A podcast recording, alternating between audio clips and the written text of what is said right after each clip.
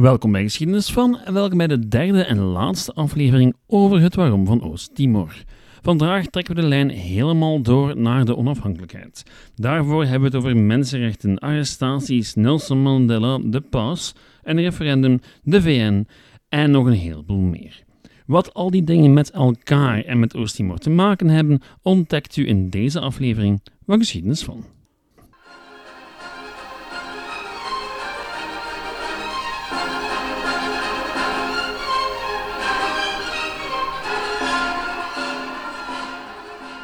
Geëindigd waren we vorige week met Shanana Guzmao, die vanaf 1982 het verzet een nieuw elan wist te geven.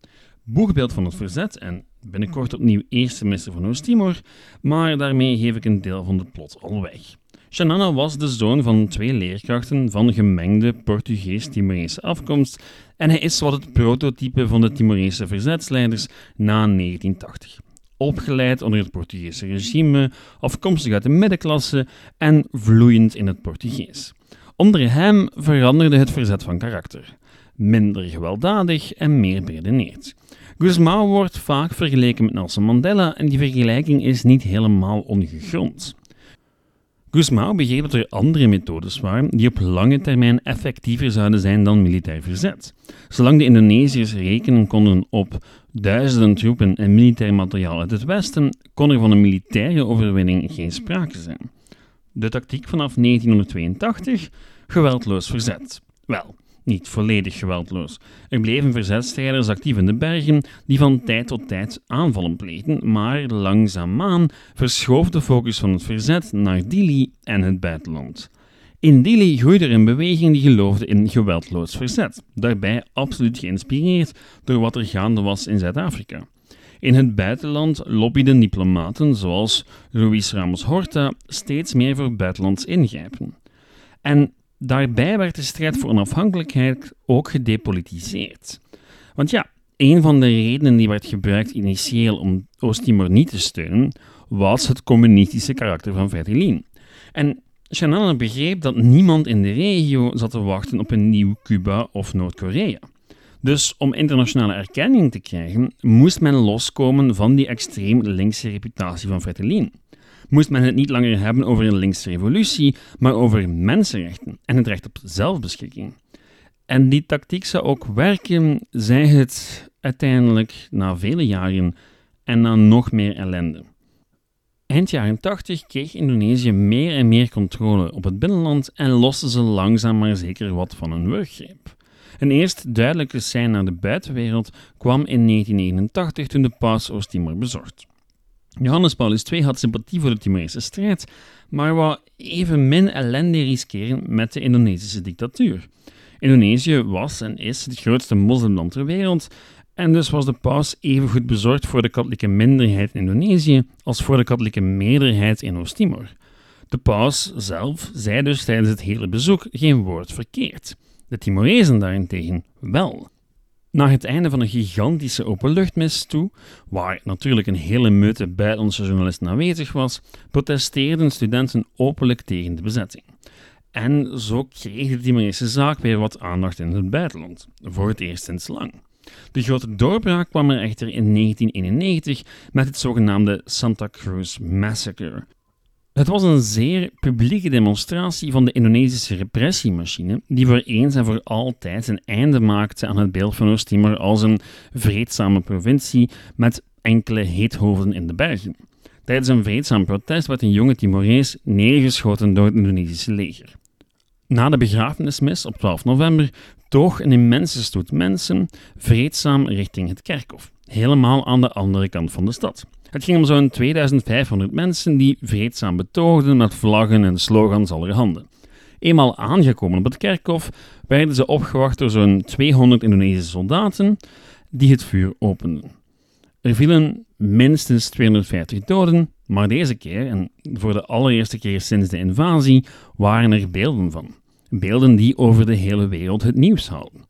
Van de ene dag op de andere doken over de hele wereld protestanten op die eisten dat hun regering het gedrag van Indonesië zouden aanklagen. In Groot-Brittannië, Portugal, de VS, Ierland, Australië, Japan, Duitsland en vele anderen ontstonden organisaties die actief lobbyden voor Oost-Timorese onafhankelijkheid. Vaak nauw samenwerkend met de Timorese diaspora, die maar wat graag getuigde over het leven in bezet Oost-Timor. Zelfs in Indonesië kwam er een nieuw bewustzijn betreffende de situatie in Oost-Timor. Net als de rest van de wereld was hen jarenlang voorgehouden dat de grote meerderheid van Oost-Timorezen tevreden waren met de bezetting. Een mythe die voor de eerste keer doorprikt werd met de beelden van de Santa Cruz Massacre. Wat natuurlijk niet zeggen wil dat de onafhankelijkheid plots voor het grijpen was. Ja, de Koude Oorlog was dan wel afgelopen, de publieke opinie overal ter wereld aan het kantelen, maar dat wil helemaal niet zeggen dat de overheden onmiddellijk volgden. De Indonesische elite was nog steeds bang voor een complete ontbinding van het land als ze hun greep ook maar een beetje losten. En bij de overheden van landen als Japan, de VS of Australië primeerde nog steeds het economische en het politieke plaatje. De onafhankelijkheid zou dus nog jaren op zich laten wachten, maar een jaar na het Santa Cruz Massacre werd een volgende belangrijke stap gezet. Al klinkt dat misschien wat contra-intuïtief. Shanana werd gearresteerd. En nu zou je denken dat het een redelijk grote ramp is voor de hele verzetsbeweging dat haar onverschrokken leider gearresteerd werd, maar in realiteit was het misschien wel een goede zaak. Want vanuit zijn cel in Jakarta kon hij meer wegen op het internationaal debat dan vanuit zijn vele verstopplaatsen over het hele land. Achteraf gezien was 91 waarschijnlijk het jaar van de kanteling. De aandacht van de wereld was eindelijk gevestigd op Oost-Timor en de Timorezen zouden het onmogelijk maken om hen nog langer te negeren. Men bleef protesteren en op die protesten volgden dan weer gewelddadige arrestaties en alles wat daarmee gepaard gaat. Maar na Santa Cruz onderhield het verzet goede banden met mensenrechtenorganisaties allerhande en dus doken er telkens beelden op van geweld. Geweld door Indonesische militairen. Een voorbeeldje van zo'n actie was de bezetting van de Amerikaanse ambassade in Jakarta door Oost-Timorese studenten in 1995, terwijl president Bill Clinton zelf op bezoek was. Nu, toen moest de grootste vernedering voor Indonesië nog volgen. In 1996 kondigde het Nobelprijscomité in Oslo aan dat aartsbisschop Belo en diplomaat José Ramos Horta de Nobelprijs voor de Vrede zouden krijgen voor hun werkzaamheden voor een rechtvaardige en vreedzame oplossing voor het conflict in Oost-Timor. Dat was natuurlijk een ramp voor de Indonesische PR-machine, en al vlug werden er allerlei beschuldigingen richting Horta geslingerd, al zou hij niets meer zijn dan een terrorist verantwoordelijk voor allerlei wandaden. Feit is dat Horta de hele bezetting lang buiten Timor had doorgebracht als diplomaat, en de beschuldigingen raakten kant nog wel. Nu, dat is ook exact de reden waarom het Nobelprijscomité niet Shanana had beloond, want diens naam kon redelijk makkelijk verbonden worden met een heleboel aanvallen op het Indonesische leger. Daarbovenop had Freitlin zich ook schuldig gemaakt aan verschillende mensenrechten Zij het een pak minder dan Indonesiërs. Achteraf zou blijken dat de bisschop betrokken was in een pedofilieschandaal en dus zeker ook geen toonbeeld van christelijke deugd. Of hoe de kerk in Oost-Timor uiteindelijk even feilbaar is als elders. Zwat. Door een diplomaat en een kerkleider naar de voorgrond te schuiven, werd de nood aan een diplomatieke en vreedzame oplossing nog maar eens benadrukt. En toch bleef Indonesië weigeren om het over onafhankelijkheid te hebben. En bleven haar bondgenoten haar steunen. Je zou de vraag kunnen stellen: waarom in godsnaam? Want feit is dat tegen dan heel wat van de argumenten die in 1975 geopperd werden, intussen van de baan waren. De Koude Oorlog was afgelopen en door het depolitiseren van de onafhankelijkheidsstrijd zag het er niet langer naar uit dat een onafhankelijk Timor een autoritair communistisch land zou zijn. Daarbovenop was iedereen het nu al duidelijk dat Indonesië niet in staat was om het land verder te beheren zonder flagrante overtredingen tegen de mensenrechten. Dus waarom leven landen zoals de UK, de VS en Australië dan zo lang zo trouw aan de Indonesiërs? Wel, um, we zullen het nooit zeker weten, maar door wat er uiteindelijk gebeurde, kunnen we wel een beredeneerde gok wagen. Geld. Waarom geld? Wel, de Indonesische economie was een van die zogenaamde Aziatische tijgers die in de jaren 80 en 90 het mooie weer maakten in de wereldeconomie. Daarbovenop had het Indonesische leger ook een constante nood aan wapens en materiaal. Iets waar Britse en Amerikaanse bedrijven maar al te graag op inspeelden. Binnen Indonesië was er tegelijkertijd maar weinig zin om iets te doen aan de hele situatie. Indonesië was nog steeds een militaire dictatuur, waar zij die aan de macht waren ook aan de macht wouden blijven. Elke toegeving met betrekking tot Oost-Timor zou een teken van zwakte zijn van de overheid en was dus totaal uit de boze. En toch was 1997 het jaar van de grote doorbraak. Waarom? Omdat de Indonesische economie aan het wankelen ging. Die Aziatische tijgers van daarjuist vielen in 97 gezamenlijk van hun voetstuk en plots rezen er heel wat twijfels over het Indonesische regime, in binnen- en buitenland. De democratische beweging in Indonesië zag haar kans schoon en begon te lobbyen voor democratische hervormingen. Een belangrijk signaal daarbij was het bezoek van Nelson Mandela in juli, toen hij zowel de Indonesische dictator Suharto en Shanana Gusmao bezocht. De ene in zijn paleis, de andere in de gevangenis. Mandela pleitte voor dialoog en de bevrijding van Shanana en alle andere Timorese leiders in gevangenschap. De reactie van Indonesië? Ze deden maar liefst drie maanden af van Shanana's gevangenisstraf. Drie maanden van een straf die 20 jaar bedroeg. Er was dus zeer weinig wil richting Oost-Timor, maar willen of niet, het oude regime kon simpelweg niet overleven. In mei 1998 nam Suharto ontslag na 30 jaar alleenheerschappij en begon Indonesië aan zijn zogenaamde reformatie. Een periode van hervorming waarvan het einddoel een moderne democratie was en een gezonde economie. En beide verlangens speelden in het voordeel van de Timorezen. Als democratie wordt het een pak moeilijker om actief delen van je bevolking gewelddadig te onderdrukken. En als je economie niet draait, kan je de kostprijs daarvan ook helemaal niet betalen.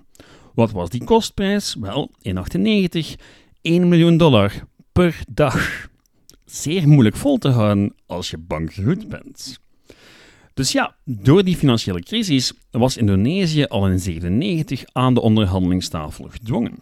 Men had hulp nodig om uit de financiële put te geraken en heel wat landen wouden die hulp wel toezeggen, maar enkel op voorwaarde dat men iets zou doen met Oost-Timor.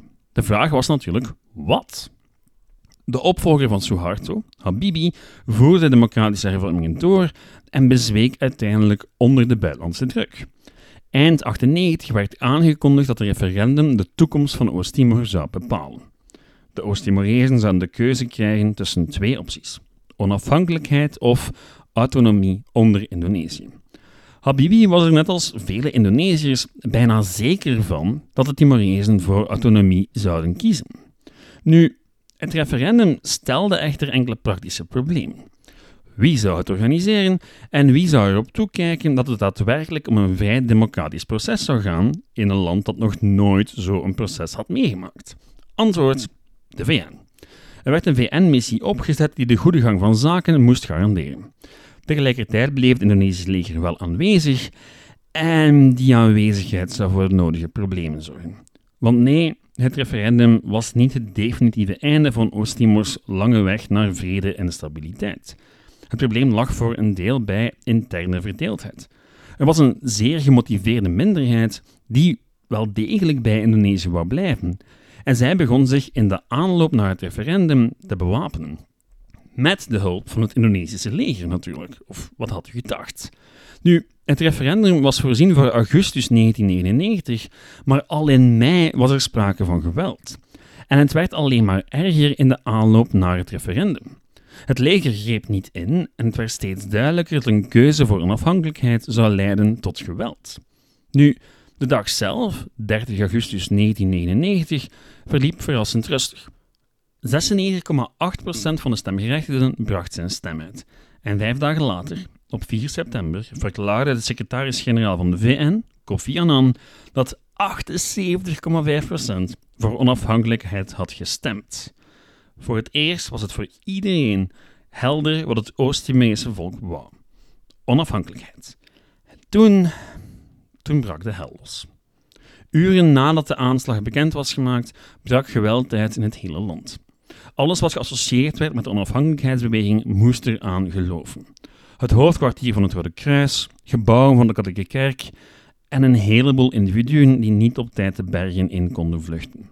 Zowat 70% van alle infrastructuur, huizen, wegen enzovoort, zouden beschadigd raken tijdens deze periode. Of waren er amper nog gebouwen recht staan die ouder zijn dan 20 jaar. In Indonesië ondertussen kon men zijn oren niet geloven. Decennia lang was hen verteld dat het slechts een kleine minderheid was die onafhankelijkheid wou.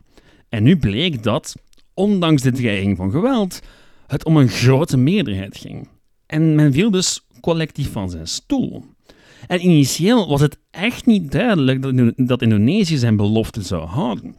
Men ontkende bij hoog en bij laag dat er geweld was in Oost-Timor. En Habibi was er zeker van dat het Indonesische leger alles onder controle had. Maar er was deze keer geen weg meer terug. De publieke opinie in de rest van de wereld had zich definitief tegen Indonesië gekeerd. Het was uiteindelijk de Amerikaanse president Bill Clinton die Habibi en co. voor het blok zette. Ofwel aanvaarde men de onafhankelijkheid van Oost-Timor en liet men VN-troepen toe om de vrede te herstellen, ofwel moest men de eigen economie maar proberen opkrikken zonder hulp van het Westen. En dat was de laatste druppel. Habibi gaf toe op 12 september en vanaf 20 november reisden een kleine 10.000 soldaten richting Oost-Timor. Het merendeel waren Australiërs, maar zowat elke natie in Zuidoost-Azië zond troepen. Maleisië, de Filipijnen, Japan, Zuid-Korea enzovoort. In februari 2000 was de orde hersteld en trokken de troepen zich terug. En toch duurde het nog twee jaar vooraleer Oost-Timor officieel onafhankelijk werd. Want plots zou dit land voor het eerst in haar geschiedenis zichzelf moeten regeren. Er moesten dus verkiezingen gehouden worden, een grondwet in elkaar getimmerd en een president verkozen. In de tussentijd beheerde de VN-missie het land zo goed en zo kwaad als het kon, en toen, op 20 mei 2002, werd het land officieel onafhankelijk met president Shanana Guzmao aan het hoofd. Wie anders? Een happy ending? Um, tot op zekere hoogte ja, absoluut. Timors eeuw van ellende mocht dat wel achter haar liggen, maar de uitdagingen voor de kerstverse democratie waren torenhoog. De bezetting had zware littekens achtergelaten.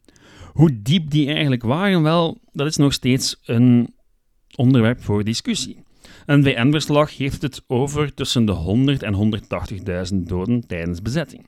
Een groot deel stierf door rechtstreeks fysiek geweld, de meerderheid door ziekte en uithongering als gevolg van de bezetting. Cijfers van de katholieke kerk hebben het over 688.000 Timorezen in 1974 en slechts 425.000 in 1982. Nu, over die cijfers kan veel gediscussieerd worden. Wat er ook van zij, de impact was immens. Tussen de 30 en 40 procent van de bevolking zou zijn omgekomen tijdens de bezetting. Wat de Indonesiërs betreft, daar ligt de officiële dodentol op zo'n 2300. En ja, dat is wel een significant verschil. Nu, achteraf kan je discussiëren of die bezetting van Oost-Timor nu een genocide was of niet. Um, ja, eigenlijk maakt het weinig uit, want het collectieve trauma leeft hier door tot op de dag van vandaag. Ook al gaat het, relatief gezien, beter met het land dan ooit tevoren. Niet dat sinds 2002 alles plots opgelost is. Er is nog steeds heel wat politiek conflict, er zijn in het verleden zware rellen geweest en men blijft het uiterst moeilijk hebben om de economie van de grond te krijgen. Maar Oost-Timor bestaat. En dat op zich is al een wonder, iets wat niemand beter beseft dan de Timorezen zelf. Nu, wat is het waarom van Oost-Timor? Dat was de centrale vraag van dit reeksje en het is geen makkelijke vraag en ook eentje waar heel wat Timorezen even min een antwoord op hebben. Feit is dat ik hier al redelijk wat gesprekken heb gehad, waarin men uiteindelijk akkoord gaat met het standpunt dat veel westerse naties hadden in 1975. Dat Oost-Timor eigenlijk maar moeilijk op eigen benen kon en misschien zelfs kan staan. Integratie onder Indonesië was misschien wel de beste oplossing voor het welzijn van het land, mochten die de zaken fundamenteel anders hebben aangepakt. Indonesië is nu eenmaal een relatief welvarend land dat veel geld investeert in zijn meer achtergestelde regio's. Geld dat Oost-Timor best had kunnen gebruiken. Het is echter zo dat er voor de bezetting al fundamentele verschillen waren tussen Indonesië en Oost-Timor, die een samensmelting zeer moeilijk maakten. Indonesië was tijdens de 19e en 20e eeuw getransformeerd in een min of meer gecentraliseerde staat. Dat gebeurde onder de Nederlanders Maar toen Indonesië onafhankelijk werd, nam men dat gecentraliseerde bestuursmodel gewoon over. Gigantisch contrast met Oost-Timor, waar de Portugezen de boel eeuwenlang de boel lieten. Het binnenland werd geregeerd door lokale koninkjes, van een centrale regering was geen sprake en lokale culturen en religies waren nog volledig intact. Vereniging was in 1975 dus al geen evidentie, maar de manier waarop de Indonesiërs zich dan gedroegen, wel, daarmee werd alle goede wil letterlijk en figuurlijk opgeblazen. De onafhankelijkheid was niet onvermijdelijk vanaf 1975, maar vreedzame annexatie was absoluut geen optie meer. En misschien is het lot van Oost-Timor al veel vroeger beslist, toen Timor opgedeeld werd in een Portugees en een Nederlands deel.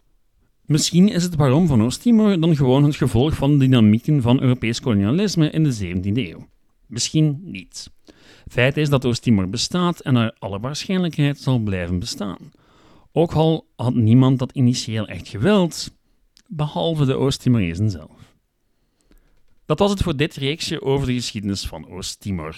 Dit was niet meer dan een korte samenvatting. Het mag misschien niet zo lijken, maar na hier een jaar te wonen, een vijftal boeken gelezen te hebben en drie musea te bezoeken, heb ik een pak meer in mijn hoofd zitten over Timorese geschiedenis dan ik ooit in een aflevering zou weten te krijgen. Wie meer wil weten over de hedendaagse situatie in Oost-Timor, wijs ik door mijn andere podcast, Plan Timor, specifiek de aflevering over politiek. Er is ook zeer veel informatie online. Um, Shega is het agentschap dat hier eigenlijk zeer veel bezig is met het archiveren van wat er gebeurd is. Ook de VN heeft hier zeer veel webpagina's over. Gewoon even googlen, je vindt het onmiddellijk. Met suggesties en feedback kan u terecht op het e-mailadres geschiedenisvan.outlook.be, de Facebookgroep Geschiedenis van en de website geschiedenisvan.be. Bedankt voor het luisteren en tot volgende week. Ciao!